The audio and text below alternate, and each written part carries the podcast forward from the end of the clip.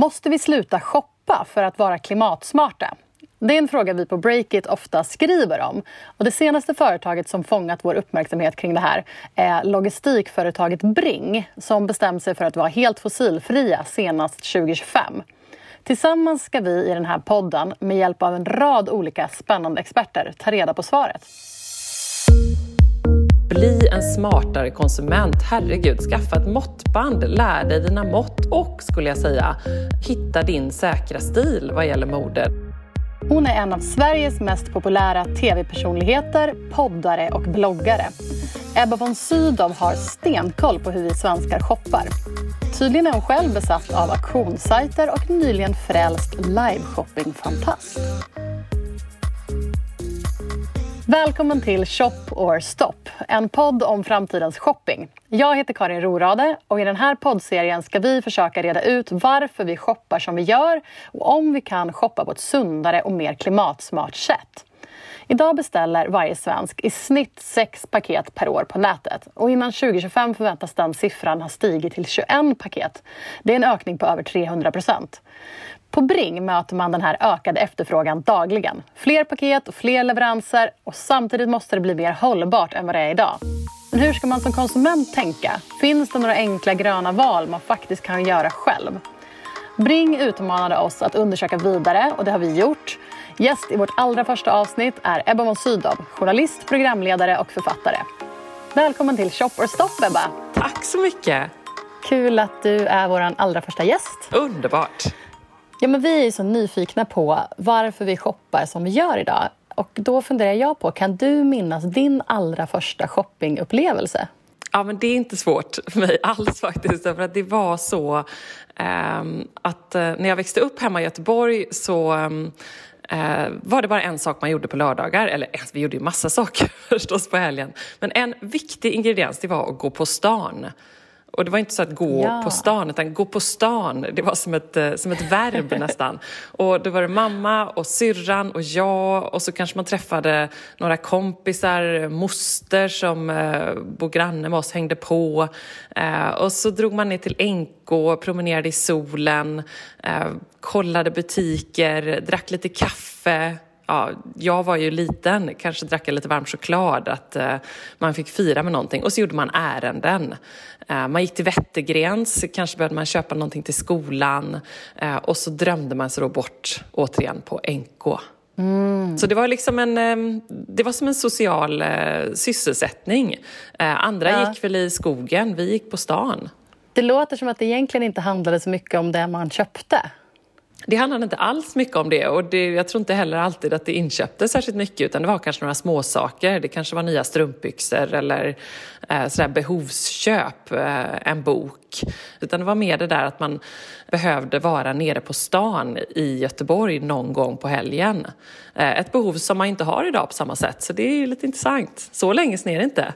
Nej, verkligen. Och det låter ju också som att man borde kunna få den upplevelsen utan att överkonsumera. Alltså att man borde kunna ändå, liksom, som du säger, göra ärenden, göra andra saker, fika och ändå få den där härliga upplevelsen som du beskriver.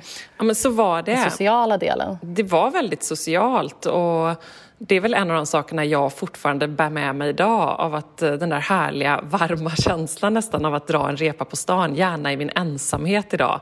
Eh, kanske för att jag har tre småbarn.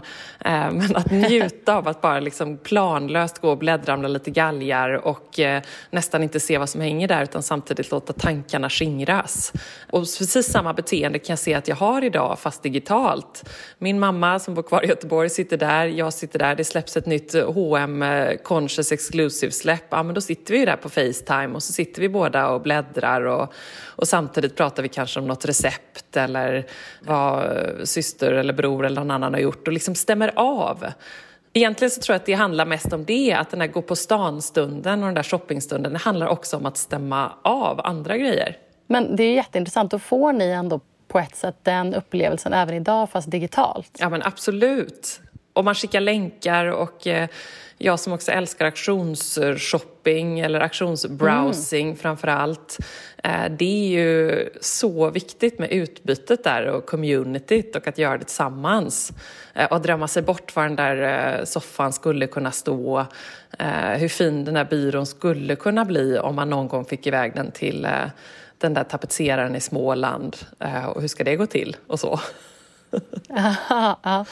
Och då bollar du liksom tankar och idéer tillsammans ja. med mamma och kompisar och, och sådär. Så det är ju väldigt socialt för mig och väldigt mycket förströelse och ett sätt att umgås.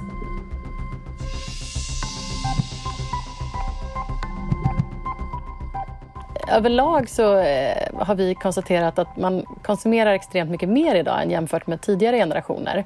Hur skulle du säga överlag att ditt shoppingbeteende har förändrats genom åren?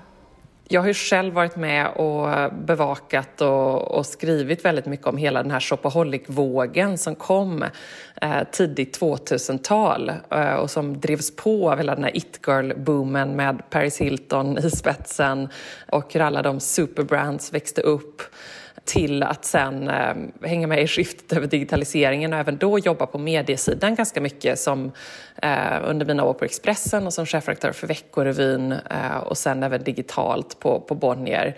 Så det som har varit eh, spännande har ju faktiskt varit att på olika sätt alltid ha fått jobba eh, med att bevaka mode genom de här extremt eh, omvälvande åren. Om man tittar lite bredare så, och du sa ju det att du har ju bevakat den här liksom, delen av, eh, av världen eh, via medier under många år nu. Hur skulle du säga utifrån din expertis att vi som samhälle har eh, förändrats när det gäller konsumtion och hur vi, eh, vår attityd till det kanske även har förändrats? Det som är spännande är att skulle vi gjort den här intervjun för några veckor sedan så skulle vi suttit och pratat om helt andra saker. Då befann vi oss i en extrem högkonjunktur som i synnerhet präglade modebranschen. Ehm, där hela fast fashion-branschen, där i Sverige har många stora aktörer, H&M inte minst, eh, mm ganska tydligt har betett sig lite som flygbranschen. Att så här, vet ni vad, shoppa på, vi löser det här. Vi gör kläder i ananastyg. Ni kan fortsätta shoppa de här grejerna för 299. Eh, på samma sätt som flygbranschen säger så här, men vet ni vad, flyg på ni. Vi, vi fixar elflyg om 30 år. Ja. Eh, så kan ni fortsätta flyga. Eh, och vi vet att ni vill ha en bra kampanj liksom.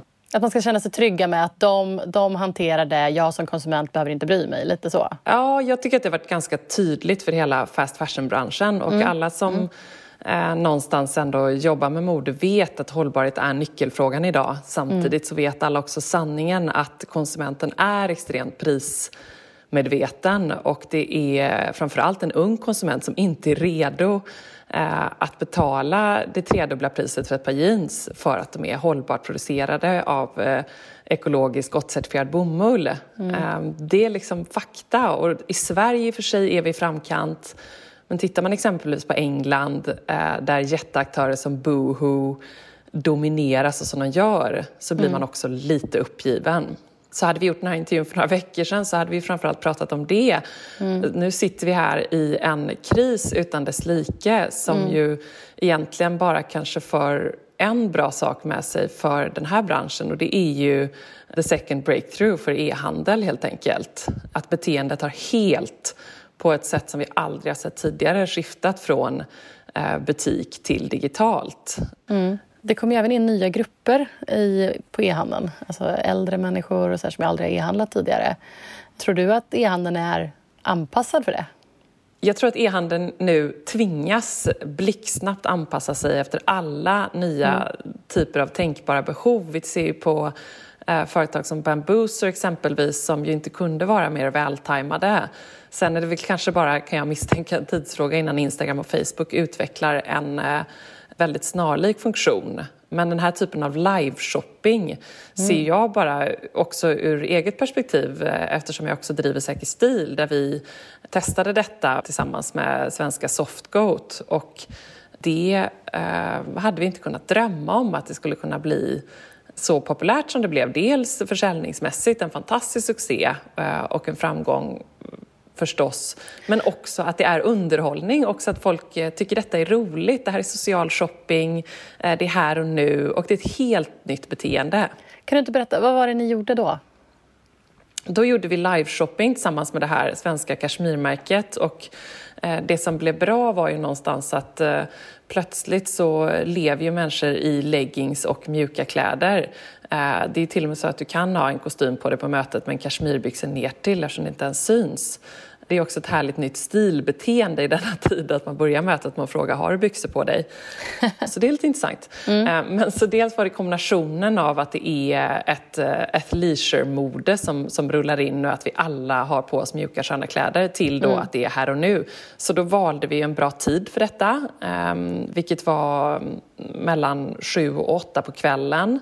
Tänker vi att folk sitter skönt hemma i soffan. Ehm, det är då man vill ha sin livesändning. Och sen så är det väldigt interaktivt. Ehm, man eh, shoppar tillsammans, man fick då själva bestämma. Ska Ebba prova den blå eller den grå tröjan? Hur ska vi styla den? Är det snyggast med jeans eller med skinnbyxor? Helt ärligt. Man kan gå nära kameran, ehm, man interagerar hela tiden. Och det blir ju som en mix, det blir som en hybrid av shopping och helt enkelt en, en liveshow eller en podd. Men det här återkopplar jag också lite grann till det vi pratade om i början, att det är en social upplevelse att shoppa. Eh, för även här så är det ju liksom att ni delar den upplevelsen på något sätt. Det är socialt. Mm. Eh, det är förstås Ehm, så att video regerar, rörligt regerar. Och detta blir ju ett rörligt format men också väldigt personligt. Mm. Ehm, man ska heller aldrig underskatta på, på sociala medier och att få in det i mode som ofta är en ganska humorlös värld. Vi är vana vid att se sura modeller på catwalken, vi är vana vid att se sura miner eh, på Net-a-Porter och Matches och allting när de trådsmala modellerna provar. Mm. Här eh, i det här nya skiftet där man mer eh, shoppar live, ser riktiga människor, interagerar och pratar på IGTV och live. Mm. Eh, så får man äntligen in humor i mode. Och det är härligt och det behöver härligt. vi. Och de mm. som tittar kan alltså också shoppa då samtidigt? Ja, och jag tänker att det finns flera enklare sätt att göra det här. Jag som jobbar själv med IGTV och ser hur det eh, funkar extremt bra och vilket sug det finns efter det. Tänker att Instagram live Mm. Eh, vad är det som säger att man inte kan bjuda på en Instagram livesändning när man själv sitter och auktionssurfar? Mm. Uh, och sen så går alla som också sitter där hemma och auktionssurfar in på sin second screen uh, och tittar på länkar och tipsar och mm. pratar. Du nämnde bland annat auktionsshopping. Det kommer ju en del nya former av shopping nu, som att man kan hyra grejer. det blir populärare med olika typer av second hand. vad tror du om såna här andra typer av shopping än den mest vanliga där man bara köper nytt. Tror du att det kan eh, få fäste? Hela hyrbeteendet är ju mycket en generationsfråga. Det är ju lite som att dina och mina föräldrar gärna vill äga sin bil eh, medan du och jag inte något hellre vill än att bara ha en härlig bilpool och slippa allt eh, fass. Liksom. Eh, lite samma är det med garderoben eh, där en yngre generation inte har samma ägandebeteende. Samtidigt så ska man inte underskatta kraften av den lilla slimmade garderoben hemma där du äger alla plagg och också äger ökar stylingmöjligheterna av dem. Um, vad gäller hyrtjänsterna, exempelvis eh, nya svenska Gem som är otroligt välgjort och, och bra på alla vis, så tror jag att de måste hitta sin USP. Jag skulle vilja hyra kläder från eh, hyrappen som bara hade vintagepärlor, eh, som kanske inte bara hade den där statussymbolen Eh, för det finns också någonting som skaver lite med att bara hyra den där senaste Bottega Veneta-väskan. För att då spinner man ju ändå vidare på ett shoppingbeteende och ett, eh, ett beteende där det handlar om att bara visa upp den senaste väskan, ta en bild och sen lämna tillbaka den.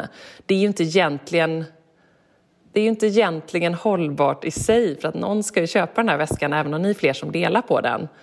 Ehm, jag tror också att hela den hela den kulturen med att just bara ha en väska för en bild och visa upp den eh, den är inte nödvändigtvis nyckeln till hyrsajterna utan snarare tänker jag att eh, nyckeln är att hitta en USP, exempelvis att vara den där platsen där du kan hitta underbara vintageklänningar. Eh, tänk dig som en kostymgarderob, kostymförrådet på SVT i en hyrapp. Du kan hyra maskeradklänningarna, du kan hyra eh, den glittriga ISL-blåsan, du kan vara unik på festen, du kan ha en härlig väska. Um, snarare än att hyra en Filippa K-kostym. Hyra Bolibompa-draken kanske? Tänk! du förstår. det är det unika uttrycket, eh, tror jag snarare. Um, och sen så finns det givetvis också plats för, och det ser vi ju i USA förstås, alltså plats för de här uh, bredare tjänsterna där du kan uh, hyra den där grymma flippa K-kostymen för ett möte. Eh, men om man tittar just på den svenska marknaden så, så, har vi ju inte riktigt det där. I New York så har du ju tjejen då som kanske behöver gå till ett möte, hon behöver ha en kick-ass handväska eh, för ett möte. Jag skulle säga att vi är lite tryggare i oss själva. Um, vi kan vara rätt nöjda. Tittar jag på Säker stil, alltså herregud, svenska kvinnor, ja men vi känner oss ganska trygga med vår handväska och vi har den. Vi behöver inte hyra en designväska för en dag. Jag vet att min chef hyrde eh, skidkläder när vi var på konferens uppe i Åre um, och var väldigt nöjd med det. Uh, för att inte liksom köpa nya. Det är en suverän grej att hyra funktionskläder, skidkläder, sällankläder. Um, ehm, den typen av grejer. Det är klart att uh, det är lite som den gamla goda skridskouthyrningen vid skridskobanan. Liksom. Skridskor för en 20, det är toppen. Varför ska jag ha ett par hemma? Um, så, så, absolut, men mer att hitta en USP snarare, det tror jag är jätteviktigt. Och precis samma sak gäller ju alla second hand-sajter och second hand-appar som nu poppar upp. Uh, att du måste ändå verkligen kunna svara på frågan varför ska jag sälja här och inte på Tradera där hela uh, marknaden finns. Mm. Mm. Och samma sak gäller ju egna varumärken eh, när de tar second hand-marknaden in-house. Um, som ju flera svenska varumärken har varit duktiga på, exempelvis Polarn och Pyret inom barnkläder. Mm. Men även där så måste du kunna svara på frågan vad är uh, uppsidan för mig som kund att sälja här istället för på Tradera eller Blocket? Och har du inget bra svar på den, då uh, gör det svårt för mig som konsument. Mm. Mm. Intressant. Så talar en Blocket och Tradera-säljare, Ebba. Ja. Ja. ja. De älskar det. Ja. Det är också en underbar typ av shopping tycker jag. Ja. Det måste jag säga. Ja. Härligt. Man ska inte underskatta att surfa gamla rörsandskoppar på uh, Tradera. Det kan jag ägna många timmar åt. I synnerhet om jag har något riktigt viktigt att göra. Typ ett manus lämna in eller så. Mm. Jag tror generellt på varumärken vad gäller e-handel nu i dessa tider så är det viktigt att addera humor, eh, göra quiz, eh, göra mer live. Kanske inte alltid oroa sig så mycket över sitt perfekta grid på Instagram utan att eh, eh, våga ta ut svängarna, våga pumpa ut mer material och förstås liksom jobba med algoritmen. Eh, många var varumärken då försöker vara hemlighetsfulla, det funkar inte. Ut med det bara. Berätta hur det går. Är det tufft? Var transparent. Var ärlig med det. Ja. Um, det är viktigt, tycker jag. Det låter som att det kommer bli roligare och eh, liksom, mer intressant för konsumenten då också. Ja, men jag vill ändå tro det. Vi måste någonstans tro det i dessa mörka tider. Eh, att eh, vara transparent med din tribe, var ärlig. Eh, det finaste man kan ha som varumärke inom retail idag det är just lojala följare som supportar dig och som sprider ditt budskap åt dig och som eh, kanske till och med eh, heliga graalen till bra engagemang svarar andra följare och bär ditt budskap åt dig, det är ju eh, det finaste och det mest värdefulla man har. Det är ju otroligt bra tips som du ger just till, till branschen. Eh, just det här med transparens och humor och att eh, kanske interagera mycket mer på ett socialt sätt digitalt med, med sina kunder. Ehm, jag tänker om vi även då pratar med själva konsumenten. Om man tänker sig en väldigt van e-handlare. Eh, vi har väldigt många som läser Breakit som är höginkomsttagare som gillar att shoppa, de gillar att e-handla. Men de börjar också känna den här liksom naggande dåliga samvetet av att man vill shoppa på ett mer hållbart sätt. Eh, oavsett när det är att man shoppar inredning eller skönhetsprodukter eller mode. Eh, vad skulle du säga är dina, eh, utifrån din liksom, erfarenhet, eh, dina bästa tips för att den här personen ska kunna fortsätta eh, shoppa men göra det på ett sätt som känns lite bättre? Svaret på den frågan är ju egentligen en helt egen podd, känner jag när du frågar, för det är så stort och så mycket. Men skulle jag bara säga en sak så skulle det väl ändå vara att rannsaka sig själv vad gäller returerna. För det är och förblir en sån enorm eh, miljöbov. Är man redan där att man nu ska göra köpet, mm. eh, bli en smartare konsument. Herregud, skaffa ett måttband, lär dig dina mått. Du vet ju hur lång kjolen ska vara för att vara rätt längd på dig. Det står ganska ofta. Mm. Eh, det finns allt mer bra virtuella verktyg för att testa exempelvis glasögon, solglasögon. Mm. Ehm, eh, så, så bli en lite smartare konsument och, skulle jag säga, Um, hitta din säkra stil vad gäller mode därför att då gör du färre felköp och du behöver äh. inte köpa hem um, fel saker. Och kanske uh, hoppa på en klädutmaning. Det kan hjälpa. Bli lite mindre ängslig, lite mer trygg i dig själv uh, så kanske det i en förlängning kan minska returerna och uh, ett par jeans räcker rätt långt ibland faktiskt. Hoppas att du känner dig lite inspirerad nu då och lite sugen på att aktionsskrolla. Ja, men det gör jag verkligen. Tack så jättemycket. så mycket bra tips och eh, jätteintressant att prata med dig. Tack så mycket Ebba von Sydow. Ja, men tusen tack. I nästa avsnitt pratar vi med e-handelsexperten Niklas Storåkers, VD för Pricerunner, om hur coronakrisen påverkat e-handeln och hur vi svenskar bland annat bunkrat frysboxar. Gå in i din poddapp och prenumerera på Shop or Stop så missar du inga avsnitt. Jag heter Karin Rorade. Vi hörs!